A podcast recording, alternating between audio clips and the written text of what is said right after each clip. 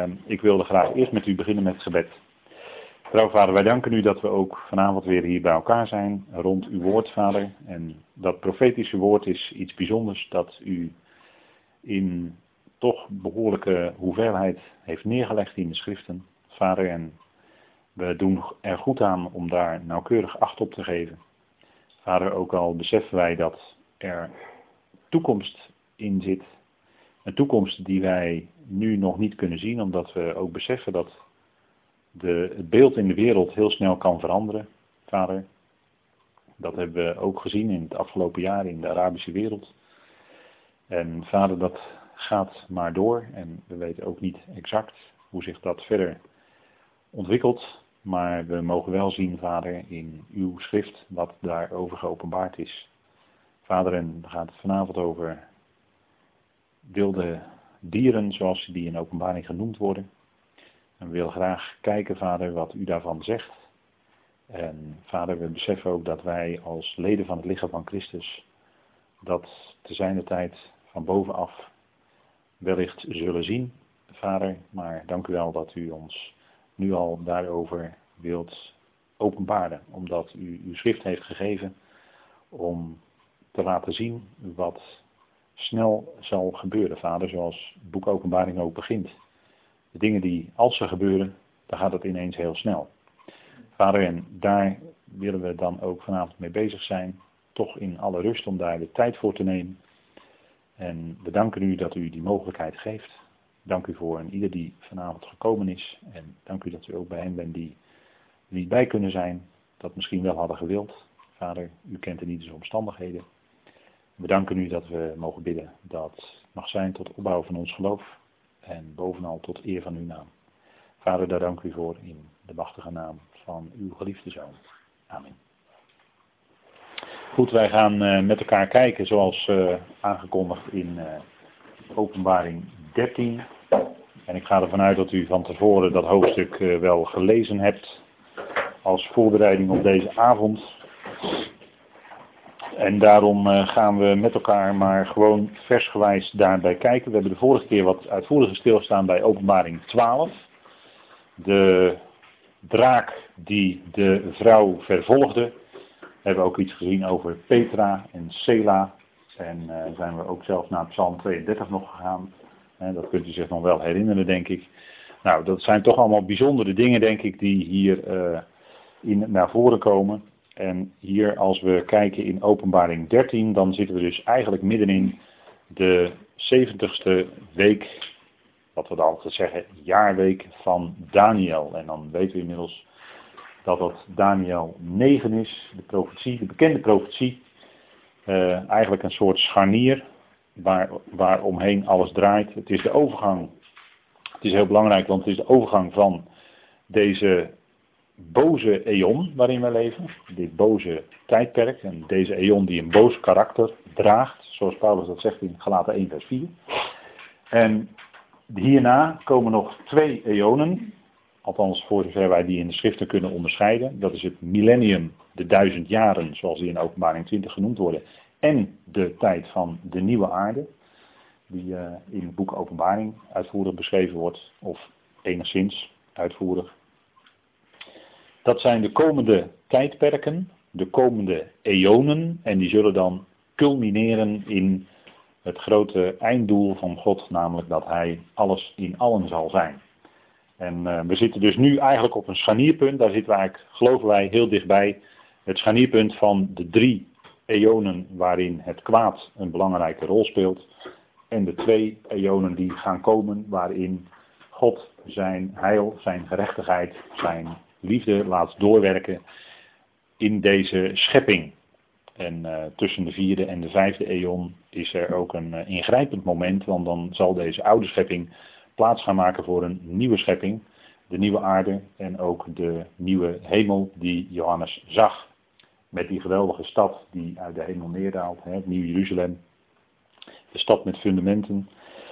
En dat is, uh, daarom is dit natuurlijk een geweldige uh, belangrijke tijd, omdat hier dus een overgang gaat plaatsvinden van de boze eonen, of de, de, de eonen waarin het boze of het kwaad een belangrijke rol speelt, naar de Ionen waarin God zijn gerechtigheid laat doorwerken en waarin gerechtigheid uiteindelijk ook zal wonen op de nieuwe aarde. En daar is heel veel, in de geestelijke wereld is daar natuurlijk heel veel aan de hand. Uh, we zien in openbaring 12 dat de tegenwerker, de tegenstander, die daar genoemd wordt, de draak van de eindtijd, met zeven koppen en tien uh, diademen. Hè? Dat is ook echt het Griekse woord, diadeem. Dat is, uh, er staat in Grieks echt diademata. En dus hij heeft zeven koppen en tien hoornen en dat wordt in, dat is hij dus. En de draak is een geestelijk wezen, zoals u weet. Die kunnen wij niet waarnemen. En uh, dat uitzicht dan hier zichtbaar op aarde in een wereldrijk, wat ook bestaat uit zeven koppen en tien hoornen. Of tien, ja, tien hoornen moet ik dan zeggen. Begrip hoorn kom ik nog wel even op terug. Maar dat, uh, daarover straks meer.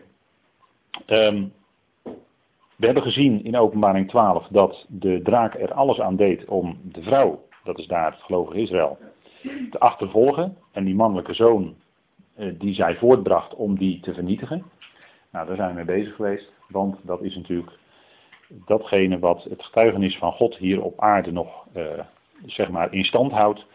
En we zullen zien dus dat de draak er in de eindtijd op uit is. En het zal hem ook gelukken voor korte tijd om de aanbieding van de hele mensheid voor zich op te eisen. In plaats van Christus. En dan zeg ik dus het woord antichrist. Antichrist betekent in plaats van Christus. En dat zal hij ook doen. Hij zal spreken, grote woorden spreken in plaats van God of in plaats van Christus. En daarmee wil hij gewoon de plaats innemen. Hè. Wij denken dat anti tegen is, maar anti betekent letterlijk in het Grieks in plaats van. En dat zal hij ook willen doen. En dat zal hem ook enigszins gelukken, omdat God hem daartoe de ruimte geeft. Om zich te stellen in plaats van Christus. En zo de aanbidding van heel de mensheid voor zich op te eisen. Nou, die tijden gaan we naartoe. En daar willen we vanavond. Uh, eens naar gaan kijken, dat openbaring 13, want dat is natuurlijk toch wel een, eh, een hoofdstuk wat uh, de gemoederen uh, aardig bezighoudt in de wereld van de gelovigen, van de christenen, van de mm, noem maar op. Als je op internet gaat kijken, dan kun je daar heel erg veel visies en meningen over aantreffen. Maar we gaan kijken wat de schrift zegt en daar staat, hoofdstuk 12 eindigt erbij, dat Johannes dan in een visioen zegt, en ik stond op het zand bij de zee. Uh, dat kan ook letterlijk zijn, want hij was op Patmos, dat is een eiland in de Middellandse Zee. Dus het kan ook zijn dat hij daar letterlijk op dat zand stond bij de zee. Maar dat was niet, die opmerking staat daar natuurlijk, omdat het van belang is. Anders zou het er niet staan. Er staat niet voor niets iets in de Bijbel. En uh, die opmerking, waar hij zich dan op dat moment bevindt, is vol van betekenis. Hij staat op het zand bij de zee. En dan gaat er ook iets gebeuren met die zee, want daar gaat openbaring 13 vers 1 over.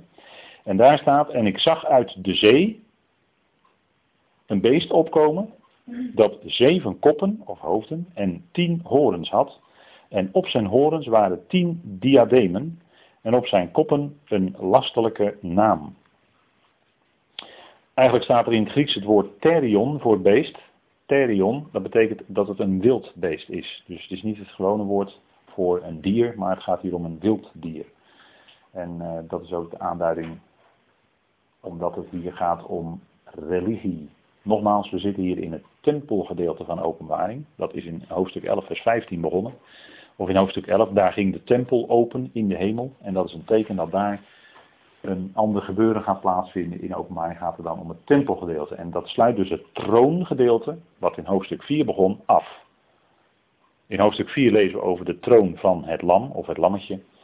En eh, dat duurt tot hoofdstuk 11, tot ergens in hoofdstuk 11. En dan vanaf hoofdstuk 11 begint het tempelgedeelte. En dus wordt er dan gezegd, het begin van hoofdstuk 11, meet de voorhof op van de tempel.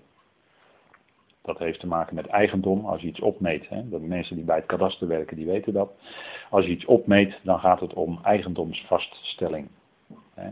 Dat heb je ook met uh, als je uh, gewoon in een huis woont en je hebt uh, buren naast je wonen, dan gaat het om jouw grondgebied is nou zoveel meter tot een bepaalde grens en dan begint de volgende. En wat je dan opmeet is jouw grondgebied. En daarnaast begint dat van de ander. Nou, Dat is wat allemaal in het kadaster is vastgelegd. En dat heeft allemaal te maken met eigendom. En dat is ook met tellen. Kijk, David ging op een gegeven moment een volkstelling houden. En tellen heeft ook te maken met eigendom. En u weet wat er toen gebeurde. Er kwam toen een gericht op de dorsvloer van Arauna. Maar goed, daar gaan we niet te diep op in, wat het allemaal eh, aan betekenis heeft. Maar in ieder geval gaat het daar om eigendom. En hier gaat natuurlijk de strijd om het eigendomsrecht van ja, de mensheid. Hè. Als de mensheid uh, de, de, tegenstander of de draak aanbidt, dan uh, kan de draak zeggen, in principe, dat die mensheid zijn eigendom is. Want uh, ze geven hem de eer om het zo maar te zeggen. Dus het gaat ook om eigendom. Hè? En het gaat natuurlijk ook om het land. Hè? Vandaar dat er nu al sinds 1948 uh, oneenigheid is, als ik me heel zacht uitdruk, over een klein stukje land. Dus het gaat nog maar om een fractie wat uh, aan Israël beloofd is geworden. En eigenlijk is het uiteindelijk weer vrij eenvoudig. De Heer zegt in uh, Leviticus 25, vers 23, het is mijn land. Het land is van Jahweh, het land is van de Heer. En hij geeft het aan wie hij dat wil. Dus dat is eigenlijk heel simpel. Maar goed, ook daarover is natuurlijk twist. En dat is een uiting van geestelijke strijd. De strijd om het land nu is een uiting van geestelijke strijd. Net zoals dat uh, beest wat hier uit de zee opkomt, een weerspiegeling is van de draak. Want daar houden wij te weinig rekening mee, maar in Daniel bijvoorbeeld, daar zullen we nog opkomen, in Daniel 10 gaat het bijvoorbeeld om de vorst van Perzië. En dan heb ik het nu over de geestelijke vorst. Daniel, die, uh, of de, de, de vorst uh, Michael, als ik het goed zeg, die werd twee of drie weken tegengehouden, wil ik even af zijn nu. En in die periode was er, werd hij tegengehouden, Michael werd tegengehouden door de vorst van Perzië. Dat was een geestelijke zaak. Dat is een geestelijke vorst die ehm, uh, de heerschappij heeft over een land. Dus er is een vorst van Perzië en u kunt er ook van uitgaan dat er een vorst is van, uh, nou ja, Israël is natuurlijk Michael dan. Hè? En uh, dan zal er ook een vorst zijn van Irak en van Afghanistan. Zo stel ik me dat dan voor. Als er een vorst is van Perzië, is er van die andere landen ook een geestelijke vorst. Dus dan kun je eigenlijk. En die resorteren natuurlijk weer uiteindelijk onder de draak. Hè? Zo moet u dat dan zien. Dat is dan een hiërarchie in de geestelijke wereld. Daar spreekt Paulus ook over in Colossense 1 natuurlijk. Bepaalde rangorde. En deze, dit beest wat uit de zee opkomt, dat heeft zeven koppen. Dus dat is uh, zeven ja, hoofden, leiders zou je kunnen zeggen. En tien horens. Een horen, dat waren we ook al tegengekomen in het boek Daniel. Een horen is een, af, eh, of een aanduiding van militaire macht. Maar dat niet alleen. Een hoorn kan ook gebruikt worden om bijvoorbeeld door te spreken. Want als de bazuin geblazen wordt, is het eigenlijk de shofar. En een shofar is eigenlijk een ramshoorn. Dus dat is een hoorn waarop geblazen wordt. En als er op een hoorn geblazen wordt, dan spreekt die hoorn. Dus het is niet alleen een aanduiding van macht, maar het is ook een aanduiding van dat er door gesproken wordt. En dat is ook wat opvalt in Daniel, en we zullen dat nog zien, we gaan dat allemaal nog zien dat ook in openbaring door gesproken wordt. Nou, op zijn horens waren tien diademen en op zijn koppen een lastelijke naam. En die zee, want hij stond op het zand bij de zee en hij zag uit de zee een beest opkomen. Dat hebben we in Daniel ook al gezien hè, met elkaar. Daar zagen we namelijk dat er vier winden kwamen en die brachten die zee in beroering. En daar kwamen dingen uit tevoorschijn. Nou, die zee, dat is de Volkerenzee. Dat zijn volkeren. En uh, dat kunnen we ook uit het boek Openbaring zelf kunnen we dat uh, naar voren halen. Dat is namelijk Openbaring 17. En die hoofdstukken hebben natuurlijk met elkaar te maken, want de leiding, de geestelijke leiding ook, zal vanuit Babel komen in de eindtijd. De koning van Babel speelt namelijk een hele belangrijke rol in de eindtijd. De koning van Babel, dat zal ook een wereldleider zijn, net zoals Nebukadnezar was in het verleden. Dat was natuurlijk eigenlijk een type of een voorafschaduwing van de koning van Babel van de eindtijd. Wat feitelijk de wetteloze is, hè? die door Paulus zo wordt genoemd in eh, Thessalonicense. Nou, dan zien we dus in uh, Openbaring 17 de vrouw op het beest. Dat is dus het tegenbeeld van de vrouw uit Openbaring 12. hebben we ook de vorige keer met elkaar gezien. Hè? Die staan in de openbaring tegenover elkaar.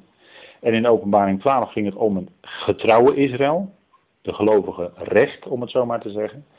En in openbaring 17 gaat het over het ontrouwe Israël. Die vrouw. Die zit op het beest. En daar staat, een van de zeven engelen die de zeven schalen hadden, kwam en sprak met mij en zei tot mij, kom, ik zal u het oordeel over de grote hoer laten zien, die aan of letterlijk op vele wateren zit. U ziet daar de vele wateren, dat is de zee. En dan vers 15 wordt het uitgelegd. En hij zei tegen mij, de wateren die u gezien hebt, waaraan de hoer zit, of waarop, zijn volken, menigten, naties en talen. Dus u ziet dat de wateren een aanduiding zijn van volkeren. Dus de zee is eigenlijk de volkerenzee, om het zo maar te zeggen. Dus daarmee heeft u even een onderbouwing van het feit, maar dat wisten we eigenlijk al, maar ik denk laat het u toch heel even zien. Dus die volkerenzee, dat zijn natieën, menigten en talen. Dus uit die zee komt een beest op, dus een, een, uh, feitelijk een, een, wereldmacht komt omhoog, hè, komt uit die zee opgerezen. En dan zien wij dat als we vervolgen, dan zien wij dus dezelfde uh, beelden die wij ook in Daniel al hebben gezien. Want Daniel en openbaring is op dit punt heel erg, dat ligt heel erg tegen elkaar aan, om het zo maar te zeggen. Daniel en openbaring, eh, die sluiten heel erg op elkaar aan. Openbaring is eigenlijk, dat zijn eigenlijk de lijnen die al in Daniel getrokken worden. En die zien we dan in de openbaring tot volkomenheid. En daar wordt dan ook wat meer van gezegd. Want we zullen nog e-, heel even gaan zien wat Daniel niet zegt en wat de openbaring wel zegt. En het beest, staat er dan, dat ik zag, leek op een panter. En zijn poten als van een beer en zijn muil als de muil van een leeuw. En dat hebben we ook in Daniel gezien. Kijk, het, het beest is eigenlijk, ziet eruit als een panter of een luipaard. In de oude vertaling staat een pardel, maar dat is, een, uh, dat is allemaal hetzelfde. Dat is een, een panter, een luipaard. En dat is eigenlijk, als je het uh, als land wil aanduiden, is dat eigenlijk een aanduiding van Griekenland. Griekenland. Die heeft de luipaard of de panter. Dat is het beeld wat bij Griekenland hoort. En nu gaat het niet om het huidige Griekenland, wat uh, nogal in de schulden zit, om zo maar te zeggen. Maar daar moet u niet aan denken, maar u moet denken aan het toenmalige Griekenland, waar Alexander de Grote, uh, wat door Alexander de Grote tot een groot rijk is geworden, gemaakt. En we hebben al meerdere keren met elkaar gezien hoe dat is gegaan en dat daarna dus uh, vier generaals kwamen toen hij ineens stierf op 33-jarige leeftijd in Babylon. Dat het eh, daarna door vier generaals werd voortgezet. En ja, vier generaals, dat gaat niet. Dus die kregen onderling bonje. En uh, daar had je onder andere de oorlogen, maar dat heb ik de vorige keer dacht ik ook gezegd. Tussen de Ptolemeën en de Seleuciden vooral. Dat was een Noord-Zuid-oorlog. En daar zullen we ook nog wat van gaan zien in, openbaar, in uh, Daniel 11. Maar ik ga heel even terug naar Daniel 7 om u dat nog even te laten zien. Die dieren, die uh, droom die uh, Daniel zag. Overigens ook opvallend dat hij dat zag in een droom en dat hij daarin die visioenen kreeg. Dus dat heeft dan ook te maken met dingen die in de periode van de verborgenheid al zich gaan ontwikkelen. Alleen, het wordt openbaar straks. Want het geheimnis van de wetteloosheid is al in werking, hè, zei Paulus. In zijn dagen was het al in werking. Dus, maar gaandeweg gaat zich dat ontwikkelen. Vandaar dat hij het zag in een droom, s'nachts. En Daniel nam het woord, Daniel 7, vers 2, en zei: S'nachts in mijn visioen keek ik toe en zie de vier winden van de hemel zweepten de grote zee op. Dus heb je eigenlijk hetzelfde als in openbaringen. En de vier grote dieren stegen op uit de zee die van elkaar verschilden. Het eerste was een leeuw met vleugels als van een arend. En ik keek toe en zijn vleugels werden uitgerukt. Dan, we gaan even heel snel hoor. En dan vers 5. En zie een ander dier. Het tweede leek op een beer. Dus heb je ook de beer. Dus hij zag uh, één leeuw en één beer. Hij zag niet leeuwen en beren, maar hij zag één leeuw en één beer. En hij richtte zich naar één kant. En dan het derde wat hij ziet. En daarna keek ik en zie, er was nog een ander dier als een luipaard. En daar hebben we dus het luipaard. Ziet u? Dus dat even voor uw onderbouwing, hè? Voor de onderbouwing.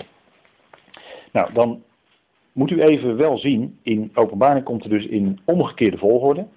Waarom? Omdat openbaring terugkijkt. Dus in zekere zin retro. Hè? Dus hij kijkt, openbaring kijkt terug. Vandaar dat die dieren hier in omgekeerde volgorde worden genoemd. Maar let op dat het dier op zich een panter is. Met verschillende eigenschappen van die andere dieren. Dus in dat dier of in dat beest zitten ook die andere eigenschappen. Met, met andere woorden, het is een wereldrijk wat wel de kenmerken van die vorige rijken in zich draagt. U hoeft alleen maar te denken aan bijvoorbeeld de hoofdstad, dat is namelijk Babel. En dat zal zo in de eindtijd ook weer zijn. De hoofdstad was Babel in het verleden en zal ook Babel zijn in de eindtijd. Dat is gewoon een vast gegeven in de schrift. En er staat dus dan dat zijn poten als van een beer waren en zijn muil was de muil van een leeuw. Maar het was een panter. En dan moeten we dus denken aan Griekenland. Want we hebben bij Daniel 7 gezien dat het ging om Griekenland, Alexander de Grote. En dat werd ineens afgebroken. Maar het zal in de eindtijd dus een groter Griekenland, om het zo maar te zeggen, zal in de eindtijd. Hè, en het gebied van Griekenland was zo richting India, hè, dus was een behoorlijk rijk als je dat op de kaart ziet. En dat rijk, of in dat gebied, daar zal, zo mogen wij dan geloven, dat wereldrijk weer gaan opkomen. Met Babel als hoofdstad. Dat zal natuurlijk de tegenhanger zijn van Jeruzalem. Uh, net zoals die, uh, uh, er meer dingen in de schriften of meer dingen in de openbaring echt tegenover elkaar gezet worden. Nou, zo heb je ook Jeruzalem en Babel. Babel als de hoofdstad van waar de, waar de draak eigenlijk zijn zetel heeft, staat ook in Jeremia. ik meen Jeremia 50 of 51, moet u maar even nazoeken. Maar Babel dat is het hart van de tegenstander, wordt daarvan gezegd. Jeremia. Gaat het ook over het gericht van Babel, Jeremia 50, 51. Daarvoor wordt gezegd, Babel is het hart van de tegenstander. Dus daar heeft de tegenstander zijn domicilie, om het zo maar te zeggen. En wat in Daniel niet gezegd wordt, is de volgende zin. Want van wie kwam in dat rijk nu die grote kracht. Want die, dat rijk zal enorm sterk worden. Hè, dat is sowieso de beschrijving. Er zal uiteindelijk niets tegen bestand zijn. En uh, dat wat die wetteloze gaat doen, dat zal hem ook uh, gelukken. Maar dat zullen we nog lezen. En uh, zal niets tegen bestand zijn. Dus die, er zit een enorme kracht achter. Dat wordt in Daniel niet gezegd welke kracht dat is. Maar dat wordt in de openbaring namelijk wel gezegd. Dat is wat er staat in vers 2 van openbaring 13. En de draak gaf hem zijn kracht, zijn troon en grote macht. Dus die draak is op de aarde geworpen, die weet dan dat hij nog maar korte tijd heeft. En dan gaat hij dat wereldrijk organiseren. Althans, het, het wordt dan zichtbaar, laat ik het zo zeggen. Want die organisatie, dat is al honderden, honderden jaren aan de gang. Daarover zijn voldoende gegevens bekend daar, uh, daar, zullen we niet, uh, niet te veel over zeggen. Maar de draak gaf hem zijn kracht, zijn troon en grote macht. En de draak, als we even, voor ons is allemaal helemaal duidelijk hoor, maar de identiteit van de draak.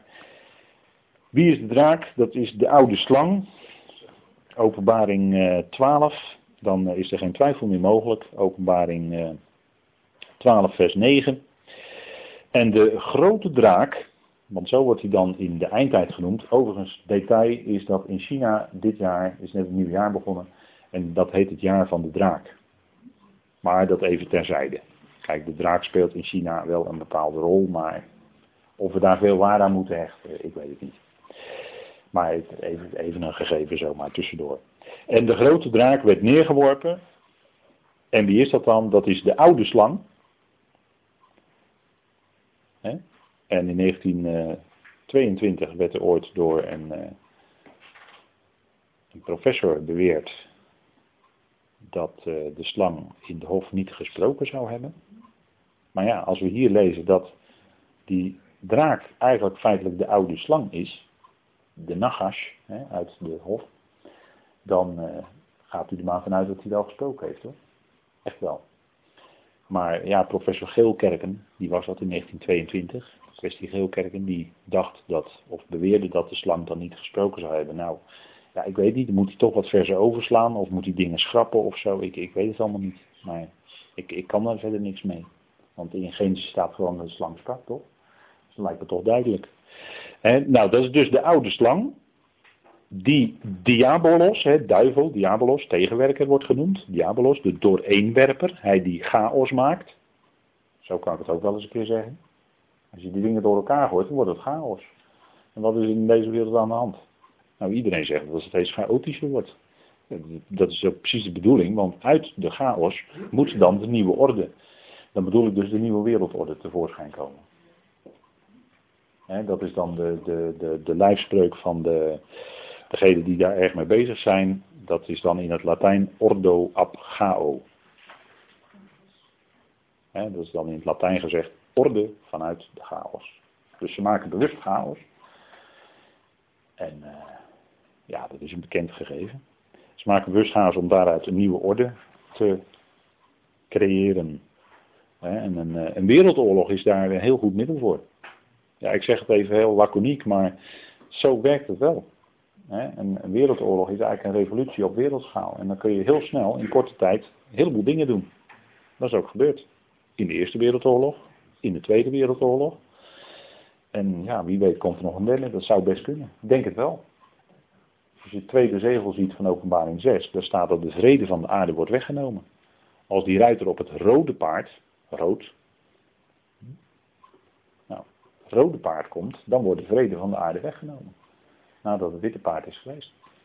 Dus reken erop dat er dan nog wel wat komt. En Satan, dat is de Hebreeuwse naam, tegenstander betekent dat. Satan is de Hebreeuwse aanduiding en je moet voor openbaring ook wel goed in het Hebreeuws zijn, want anders dan uh, kom je er ook weer niet uit. En Satan genoemd wordt die de hele wereld misleidt. Kijk, dat is nu al het geval. En dat is systematisch. Om de hele wereld te misleiden, ja, daar is wel wat voor nodig. En daar is ook wel wat voor op poten gezet. Daarvoor wordt het hele onderwijssysteem eh, ondersteboven gekeerd. Daardoor worden geschiedenisboeken herschreven. Daardoor worden, daarvoor worden de hele samenleving, worden, alles wordt op zijn kop gezet. Is dat dan de geest van de antichrist? Dat is de geest. Ja, dat is de geest van de antichrist. De schijmenis van de wetteloosheid. Ja, ja, ja. ja. Ja, dat zijn allemaal van die dingen die de laatste honderden jaren heel erg uh, aan de gang zijn geweest hoor. Denk erom. En uh, denk, denk niet dat als er nieuwe dingen worden gebracht in de maatschappij, denk niet dat het zomaar, zomaar ergens vandaan komt. Of dat er zomaar ergens iemand iets roept. Zo naïef zijn we toch hopelijk niet, hè? Dat, daar zit allemaal iets achter. Ja, je bent zo wantrouwig. Ja, nee, ja, je moet hier en daar wat lezen. En dan kom je wel achter dingen. dat zijn allemaal dingen die dan gedocumenteerd door wetenschappelijk geschoolde mensen onderzocht en geschreven zijn. Dus het gaat niet zomaar over dingen. Maar er is gewoon systematisch honderden jaren gewerkt om de hele samenleving ondersteboven te keren. En dat moet ook gebeuren, dat weet ik wel. God geeft daarvoor aan de tegenwerkende ruimte, dat weet ik wel. Maar wij zijn gelovigen, wij hebben die dingen wel te onderkennen. Dat is denk ik wel belangrijk, om dat te onderkennen waar het vandaan komt. Hè? Goed, en dan staat hier, hij werd neer, dat is nu nog niet zo, hij werd neergeworpen op de aarde. Hè. De tegenstander is nu nog heel gek gezegd in de hemel, of in de hemelen. Dat, is, eh, dat komt omdat wij daar nog niet zijn. Maar op het moment dat wij daar komen, ja, dan wordt het heel lastig. Hè. Dan wordt hij vervolgens op aarde geworpen. Dus hij werd neergeworpen op de aarde en zijn boodschappers werden met hem neergeworpen. Er zijn boodschappers die uh, beïnvloeden nu mensen en mensen gaan die boodschap dan weer verder uh, in de wereld uh, uitdragen. Dat zijn inderdaad boodschappers van de tegenstander. Een, een, leraar van ons op de Bijbelschool, de heer Matsken, jaren geleden overleden overigens in een tragisch ongeluk. Maar die heeft daar boeken over geschreven. En die noemden ze psychonauten. Die noemden die boodschappers psychonauten. En zijn eerste boek was De Psychonauten zijn geland. En die liet daarin zien hoe het denken van mensen veranderd wordt, omgeturnd wordt. Onder andere destijds in de jaren 70 had je de Frankfurter Schule. En dat noemde hij psychonauten. Je kunt het ook agenten noemen, maar dat zijn veranderaars. En die gaan uit vanuit bepaalde universiteiten, allemaal planmatig. En zijn tweede boek heette Psychonauten verdrijven. Maar goed, als ze eenmaal geland zijn, is het erg lastig om ze te verdrijven hoor. Dat, uh, daar kun je tegen gaan strijden, maar dat heeft denk ik ook niet zoveel zin. Want dat hele denken van de mensen moet natuurlijk omgeturnd worden. Dat is allemaal planmatig. De hele media die doet daar ook aan mee. En, en uh, nou goed, dat, dat is uh, zijn systeem. Hè? Dus die tegenstander, dat is dus de oude slang, de duivel, de Satan.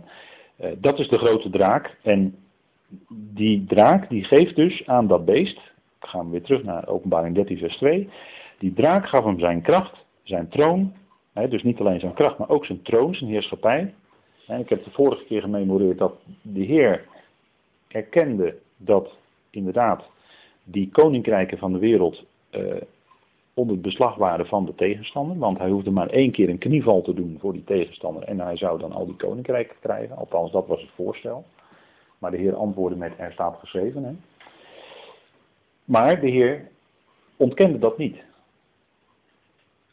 Dus als er staat dat die uh, tegenstander de hele wereld misleidt, zoals in openbaring 12 vers 9 staat, dan is dat vandaag de dag al gewoon volop aan de hand. De hele wereld, zegt Johannes ook, die ligt in het boze. Dus als, als er heel veel in de wereld blijkt uh, halve waarheden te zijn, of hele leugens, of, ja, dan moeten we eigenlijk helemaal niet gek opkijken, want dat weten wij. Dat weten wij. Als de hele wereld in het boze ligt, dan weten wij dat de leugen regeert. En, en zo is het gewoon, ja. Anders, anders is het niet. En de waarheid vinden we hier in het schrift. En daar staat dat de draak gaf hem zijn kracht, zijn troon, dus de heerschappij, en grote macht. Dus uh, dit is uh, echt heel vol opgezegd. Hè? En dan staat er, en ik zag een van zijn koppen, of een van zijn hoofden, als dodelijk gewond. Of letterlijk staat er dan geslacht. Maar zijn dodelijke wond werd genezen. En de hele aarde ging het beest met verwondering achterna. Ja, dat is nogal wat, hè. Iemand die doodgewaand werd, of het dan echt helemaal letterlijk klinisch dood is geweest, dat is dan even maar de vraag. Maar er zal gezegd worden, hij is ten dode toe gewond, hè. En dat is dan door het zwaard. Want dat, uh, uh, dat blijkt uit uh, openbaring 13, vers 14. Als wij e- dat heel even erbij nemen, dan ziet u dat er staat. Uh, en het zegt tegen hen die op de aarde wonen dat zij een beeld moeten maken voor het beest dat de wond van het zwaard had en weer levend werd.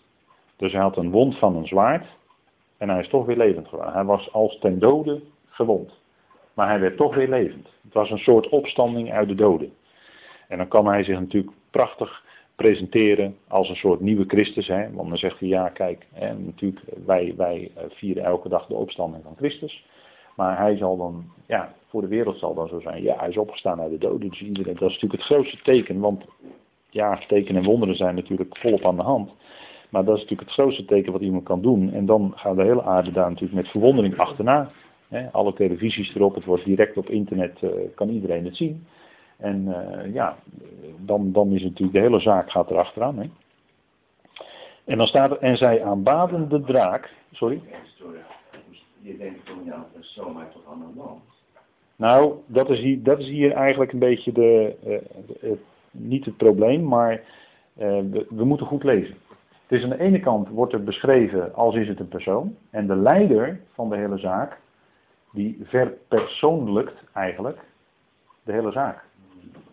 Dus aan de ene kant lijkt het alsof het beschreven wordt dat een land een dodelijke wond had. En aan de andere kant lijkt het alsof het hier om een persoon gaat. Maar als het gaat om uh, een persoon, ja, dan is het natuurlijk die sterke leider. Kijk, Paulus spreekt natuurlijk over de wetteloze. En de mens der wetteloosheid. Dus het gaat om een bepaalde mens die, uh, die dan, uh, zeg maar, de wereldheerschappij in handen krijgt. Die leider wordt van een hele sterke macht, om het zo maar te zeggen, waar niemand oorlog tegen kan voeren, of, of wil voeren, of durft te voeren. Dus, dus een wereldleider, die zal op een of andere manier, zo zie ik dat toch, eh, ten dode toe gewond zijn. En die zal weer levend gemaakt worden. Dus zijn dodelijke wond werd genezen en de hele aarde ging het beest met verwondering achterna. En zij aanbaden de draak, omdat hij aan het beest macht gegeven had. En zij aanbaden het beest en zeiden, wie is aan dit beest gelijk? En wie kan er oorlog tegen voeren? Nou, de vraag stellen is een beantwoorden, hè, zou ik zeggen. Wie is aan het beest gelijk en wie kan er oorlog tegen voeren? Ehm, in openbaring 18 wordt er ook nog even iets van gezegd. Ik wil het heel even met opslaan, dus een paar hoofdstukken verder. Openbaring 18, vers 18.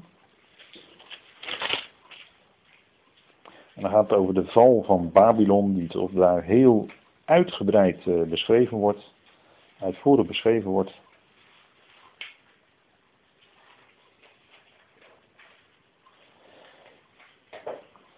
En dan wordt die stad natuurlijk in een korte tijd uh, volkomen vernietigd door de Heer.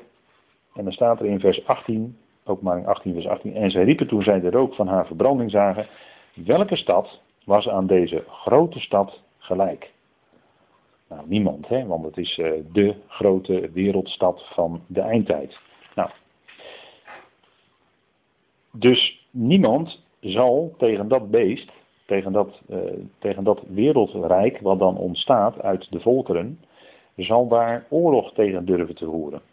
dus het is een, echt een grote wereldmacht van de eindtijd. En dan staat er in vers 5 van uh, openbaring 13, en het werd een mond gegeven om grote woorden en lasteringen te spreken. En het werd een mond gegeven. En dan lijkt het alsof het gaat om dezelfde, maar als u kijkt in de geschiedenis, bijvoorbeeld bij Mozes, Mozes zei ik kan niet goed spreken.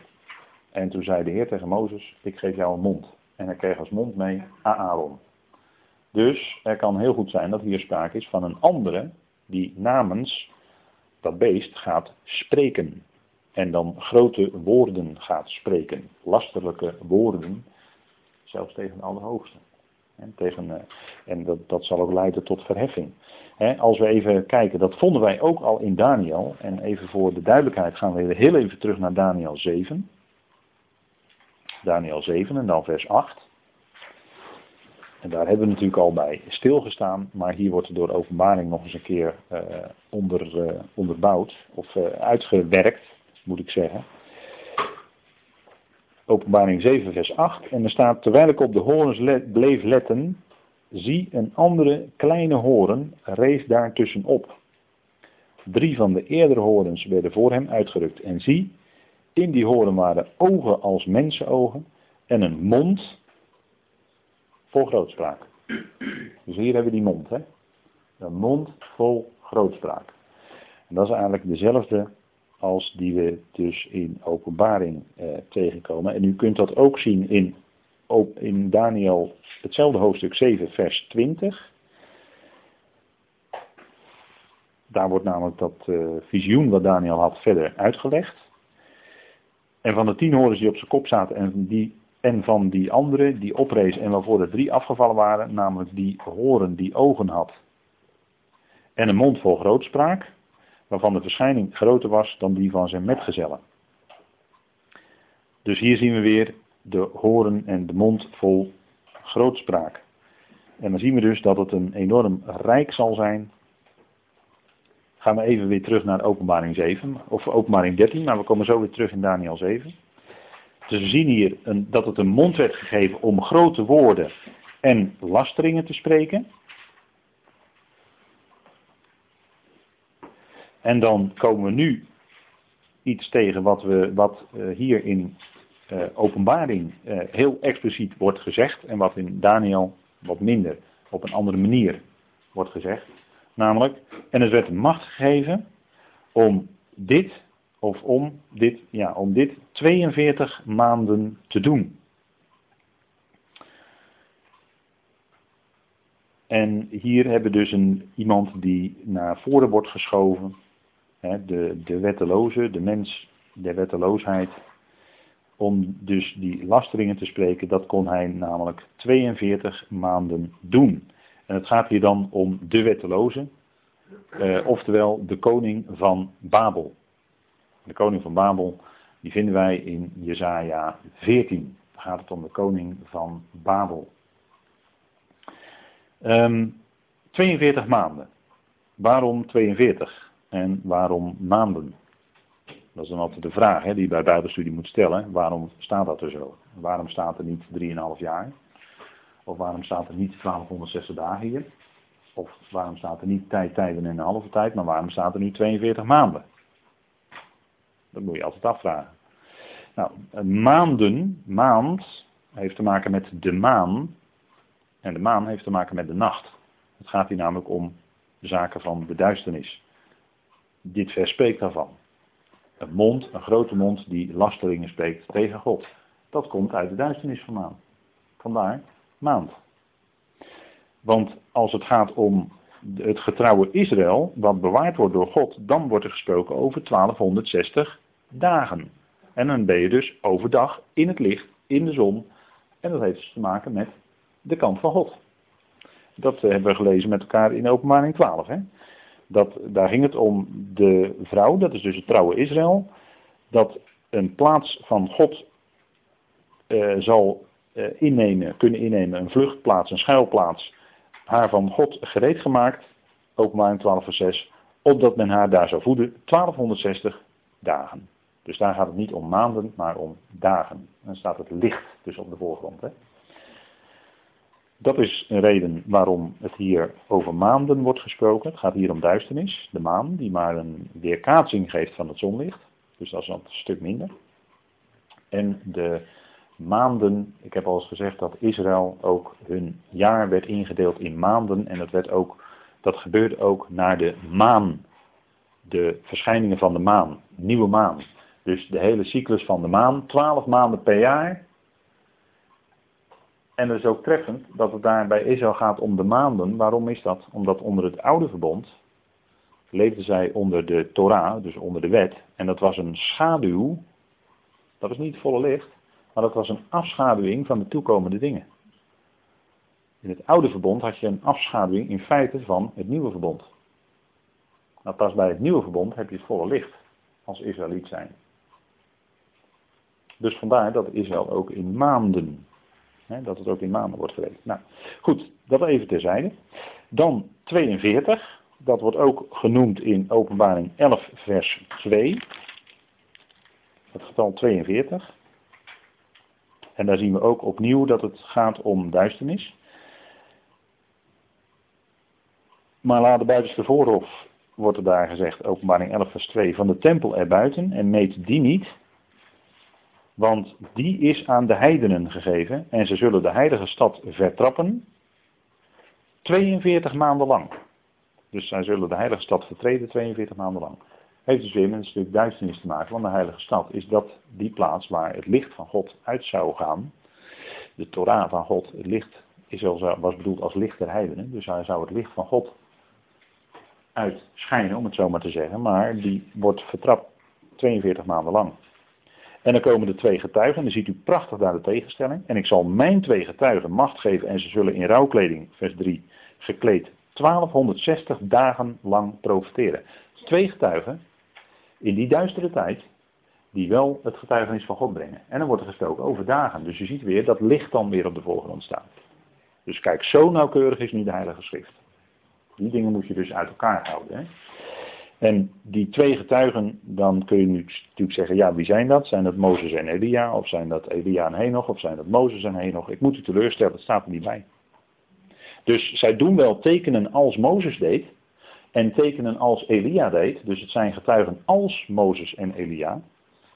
Maar dat wil nog niet zeggen dat het Mozes en Elia zijn, want die zijn allebei gestorven. En dan kun je natuurlijk prachtige verhalen gaan ophangen over dat het graf van Mozes nooit gevonden is. En dat Elia opvoer naar de hemel in die wagens. Nou ja, dat wagens, daar heb ik grote twijfels bij of dat staat. Maar later wordt er wel gezegd dat er een brief komt van Elia. Dan blijkt Elia gewoon op aarde te zijn. Maar dan moet u maar eens nakijken in Kronieken, staat dat ergens. Als u een goede namenconcordantie heeft, dan ziet u alle verwijzingen van Elia, moet u maar eens nalopen. En dan blijkt er op een gegeven moment een brief van Elia te zijn. Dus Elia is later ook gewoon gestorven. En dat geldt ook voor Henoch. Want Henoch, daarvan wordt gezegd in Hebreeën 11, hij was niet meer, want God had hem weggenomen. En daar worden ook allerlei gedachten aan vastgekoppeld. Maar een paar versen verder in Hebreeën 11 staat, deze allen zijn gestorven. Lees het maar na. Lees het maar na. Dus Henoch is gestorven. God nam hem weg, kan ook betekenen dat hij gewoon God hem ter ruste gelegd heeft. En dan staat er, hij zag de dood niet. Nee, dat kan in, in de nacht gebeurd zijn, in zijn slaap. Dan heeft hij die dood niet gezien. Ja, dat, dat, denk er maar eens over na. Maar goed, dat, dat even terzijde, want um, uh, die twee getuigen, daar zullen we nog wel wat uitgebreider een keer op terugkomen. Maar in ieder geval zullen de twee getuigen zijn die 1260 dagen lang zullen profeteren. En dat gebeurt tijdens de zesde bazuin. Of het tweede wee. Dan kunt u gewoon allemaal zelf nalezen. Het staat gewoon allemaal in openbaring. Dus dat is niet zo. Uh, dat is niet zo'n punt. En dan 42. 42 heeft dus iets te maken met duisternis in ieder geval. En je zou ook kunnen zeggen, het heeft iets te maken met de zonde. Want er is een woord, maar ik heb ernstig gezocht, maar ik heb het nog niet kunnen vinden. Maar ik beloof u, ik kom erop terug. En als ik dat niet doe, moet u me er zeker aan herinneren. Er is een Hebreeuws woord. Een van de Hebreeuwse woorden die met zonde te maken heeft, heeft als getalswaarde 42. En dat heeft toch een betekenis. Absoluut. Dus dat heeft volgens mij hier ook mee te maken. En het heeft ook te maken met duisternis, uh, de dood. Nou, dat zijn natuurlijk ook dingen die met elkaar te maken hebben. En uh, het getal 42 komt ook voor in 2 Koningen 2. En dan komen we weer bij Elisa. En dan ging het om die, u weet wel, dat er een aantal jonge jongens, nou ja, jongens, er wordt altijd gezegd dat het kleine knaapjes waren van 13, 14 jaar. Die indruk wordt al gewekt, hè. Maar dat is niet zo. Het ging om jonge mannen. En het woord wat er dan staat zijn dat het gaat om mannen jonger dan 40 jaar. Want u weet dat het leven pas begint uh, na je 40ste. Want dan ben je in het vijfde tiental. Hè? Als je 40 gepasseerd bent, dan ben je in het vijfde tiental. Dus dan ben je op weg naar je, dat is eigenlijk de, de 50. Dan ben je eigenlijk al in de 50. Goed, meer zeg ik er niet over, maar het gaat om jonge mannen die nog geen veertig zijn, vandaar dat ze zo aangeduid worden, jonge mannen. En die roepen naar Elia, kaalkop, kaalkop, roepen ze twee keer. Want bij Elia zijn heel veel dingen dubbel. Kijk, Eli, uh, Elisa, sorry, sorry, bij Elisa zijn heel veel dingen dubbel. Uh, bij Elia, die sloeg met zijn mantel één keer op de Jordaan en er kwam een pad. En bij Elisa staat er dan dat hij twee keer op de Jordaan slaat met de mantel. Dat is ook dubbel, hè. En zo zijn er heel veel dingen die bij Elia enkel zijn en bij Elisa dubbel. Gaat u het maar na. Leest u het maar na in Koningen. U zult die dingen ongetwijfeld tegenkomen. En dan komen er ineens twee beren uit het bos. Want zij roepen hen na, kaalkop, kaalkop. En weet u wat het betekent?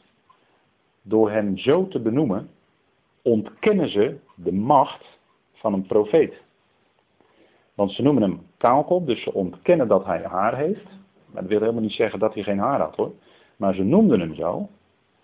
En haar in de schrift is een aanduiding van macht. En heeft ook te maken met koningschap. Simpson? Simpson had kracht zolang hij lang haar had. Toen het af werd geschoren was hij zijn kracht, was hij zijn macht kwijt. Uh, koningschap heeft te maken met uh, gerst. Rut kwam in Bethlehem ten tijde van de gerstenoogst. En gerst is, als u dat ziet, die aarde hebben allemaal haren. En gerst speelt dus in die geschiedenis van Rut een heel belangrijke rol, want het gaat daar om de koningslijn, David. He? Obed, Isaïe, David, de koningslijn. Dus het gaat daar om macht. Vandaar dat gerst van die haren heeft. Dat heeft daar allemaal mee te maken. He? Het begrip, want gerst is in het Hebreeuws het begrip shora. En het begrip Seir, dat kent u wel van Esau, hè, bij Edom, Esau, Seir. Dat betekent de harige. Sarai is allemaal, eigenlijk allemaal hetzelfde woord in het Hebreeuws ten diepste. Sarai betekent vorstin. En een sar in het Hebreeuws is een vorst. Dus het, die dingen hebben allemaal met elkaar te maken. Maar het punt is dat we dat niet goed kunnen onderscheiden, omdat we. Je moet dat Hebreeuws dan zien. Hè? Die, die Hebreeuws heeft allemaal zo die vertakkingen. En dat heeft dan allemaal met elkaar te maken. Dus zij noemden hem, om even terug te komen op Elisa, ze noemden hem kaalkop. Dus ze ontkenden zijn macht als profeet. Dat was het punt. Ze ontkenden dus ook het woord wat hij sprak. Dat, dat in zijn woord dat daar macht in zat. Ze ontkenden de kracht van het woord eigenlijk. En toen kwamen er twee beren uit het bos. En een beer in het Hebreeuws, dat is het woord dof of doof. Nou, met doof dan voelt u me eigenlijk al komen, denk ik. Hè? Als ik dat zo zeg, doof. Dus hun oren zaten verstopt. Ze, konden het, ze accepteerden het woord van God niet. Oren zaten verstopt, ze waren doof. Dat is het begrip beer. De dalet en de beet. Dat is doof. En die twee beren, want die doen iets heel geks, want er gebeurt eigenlijk een wonder, die, die doen iets heel geks. Die gaan namelijk 42 van die knapen doden. Nou, normaal gesproken gaan twee beren niet 42 knapen doden hoor. Want met 42 ben je toch aardig in de meerderheid om die beren te grazen te nemen. Maar hier waren die beren kennelijk zo sterk dat ze die 42, daar hebben we dus getal 42, daarom vertel ik het. Die 42 om het leven brachten. Dus u ziet hier dat 42 dan te maken heeft met duisternis, dood. Wordt bij, dus bij Elisa, in Elisa wordt dat al gezegd hè. Nou goed, ik ga, daar zou er wel iets meer over te zeggen zijn, maar het ging nu even om het getal 42. Dat komt dus in 2 Koningen 2, bij die wonderlijke geschiedenis komt dat ook voor. Nou, heb ik even iets van aan u proberen te laten zien. Dus hij kreeg, het werd macht gegeven, want we gaan nu even terug naar openbaring 13. Het werd macht gegeven om dat 42 maanden lang te doen. En als u deze dingen weet, dan weet u direct, oh wacht even, het is 42. en ehm, in, de, in het boek van Dr. Bullinger, Number in Scripture, die wijst erop dat uh, de getalswaarde van de naam Nimrod, want die noem ik omdat die ook met Babel te maken heeft, is 7 keer 42. En 7 is dan aanduiding van een bepaalde volheid. Dus het is een volkomen volheid van de duisternis en alles wat daarmee te maken heeft. Babel, Nimrod dus. En volgens Dr. Bullinger, maar dat moet u zelf maar nakijken als u dat boek heeft, is het getal wat bij de antichrist hoort 1260. En 1260 is 30 keer 42. En ik geloof niet dat dat toevallig is. Je kunt denken van ja, dat is een leuk rekensommetje. Ik geloof toch niet dat het toevallig is. Het is niet voor niks 1260. Goed, en wij gaan dan uh, kijken in uh, Daniel 8. Want dat het een macht gegeven werd om dit te doen, dat vinden wij dus ook terug al in het boek Daniel.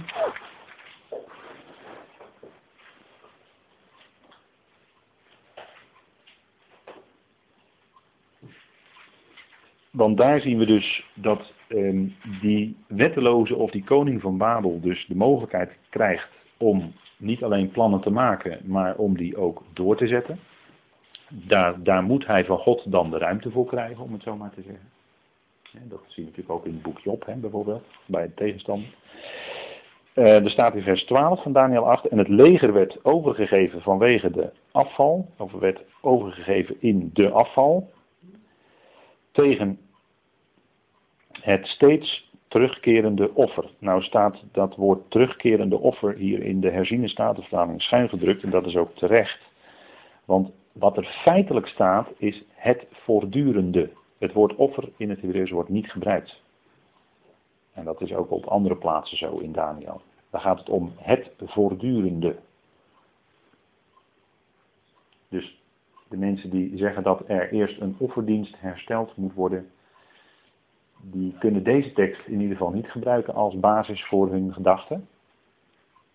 Maar er is wel een andere tekst die dat wel zegt. Dus er zal wel een vorm van mogelijk offerdienst zijn, maar hier wordt het nog genoemd het voortdurende. En hij wierp de waarheid ter aarde. dat is dus de grote afval. Of de krachtige dwaling. Of de kracht der dwaling die God zal sturen. 2 Thessalonians 2. De kracht der dwaling. Ja, ik, ik, citeer het even snel, want ik acht deze dingen bij u bekend. Hè. En hij deed het. Of er staat eigenlijk hij deed. En het gelukte. Dus die wetteloze die doet het en het lukt hem ook nog. Hij kan zijn wil zeg maar op dat moment doorzetten. En dat vinden we ook in vers 24. Vers 24. En daar kunnen we even laten zien dat hij wel kracht heeft. Daar staat namelijk zijn kracht, dat is dus van die wetteloze, zal groot worden. Maar niet door eigen kracht. En we hebben al gelezen in openbaring 13 door wiens kracht dat dan wel is. Namelijk van de draak. Hè? Zijn draak gaf hem grote kracht, macht en een troon. Dus hier staat in Daniel, zijn kracht zal groter worden, maar niet door eigen kracht. En openbaring 13 verklaart dan wiens kracht dat dan wel is. Nou, van de draak. Zo, dat is dan het punt in de eindtijd. Hè? Dan ontvangt hij die kracht van de draak. Dat is Daniel 7 vers 6. Even kijken. Is dat hetzelfde als Daniel 7 vers 6 is de vraag? Ja. Even kijken hoor. Ja. Dat luipaard. Dat is uh, eigenlijk, hè, want we zien dus in de eindtijd de voortzetting van het luipaard. En die krijgt dan inderdaad die kracht om dat helemaal door te zetten. Ja, ja, ja. Goed, dan gaan wij terug naar uh, openbaring 13. En u ziet hem hier dus werd macht gegeven om dit 42 maanden lang te doen. Dus hij deed het en het gelukte, staat er dan hè, in Daniel 8. Dus dat zien we ook hier. Hè. Dus hij kan zijn zin, zeg maar, doorzetten.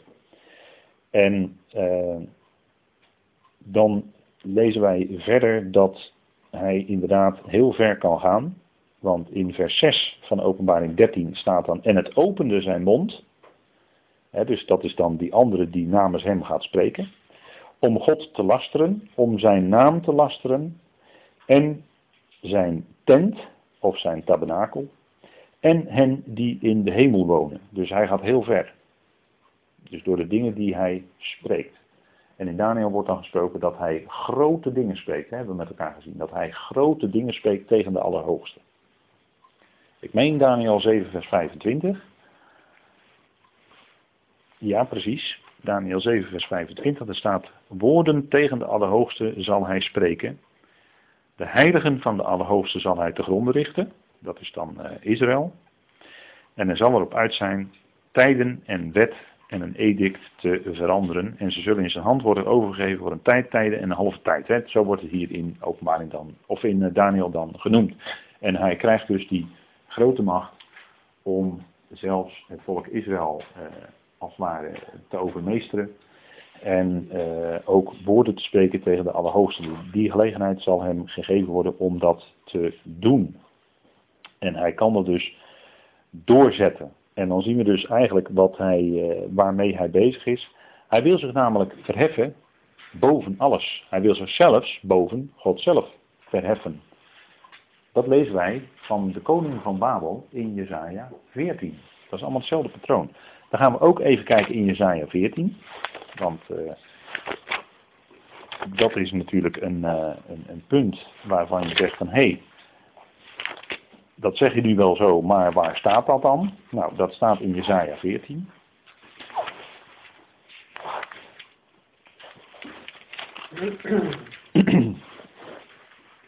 Jezaja 14 is een van de teksten die gebruikt wordt om aan te tonen dat de Satan ooit een goede engel was, maar later gevallen is.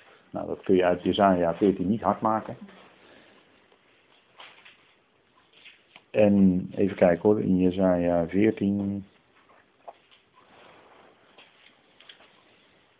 En dan lees ik met u even vanaf vers 12.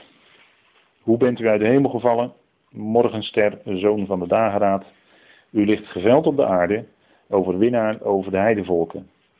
En u zei in uw hart, ik zal opstijgen naar de hemel, tot boven Gods sterren, ik zal mijn troon verheffen, ik zal zetelen op de berg van de ontmoeting, aan de noordzijde, ik zal opstijgen boven de wolkenhoogten. Ik zal mij gelijkstellen met de Allerhoogste. Echter, u bent in het rijk van de dood neergestort, in het dodenrijk, in het diepst van de kuil. Wie u zien, kijken u aan en letten op u.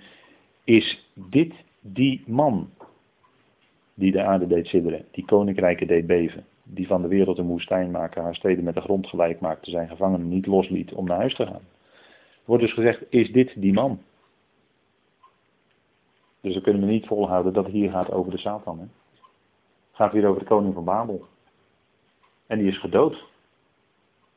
Nou, een, een, Satan is een geest en die kun je niet doden. Want die blijft leven in de poel des vuurs. Dus dat, dat mogen ook duidelijk zijn. Hè? Maar deze man hier, die koning van Babel, die is, die wordt gedood. Dus eens te meer.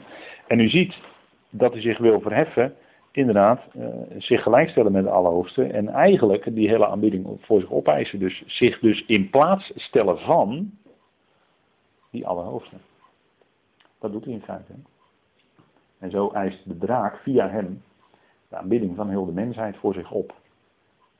En dat zal gaan gebeuren ook. En met dit Jezaja 14 gaan wij even een moment met elkaar pauzeren.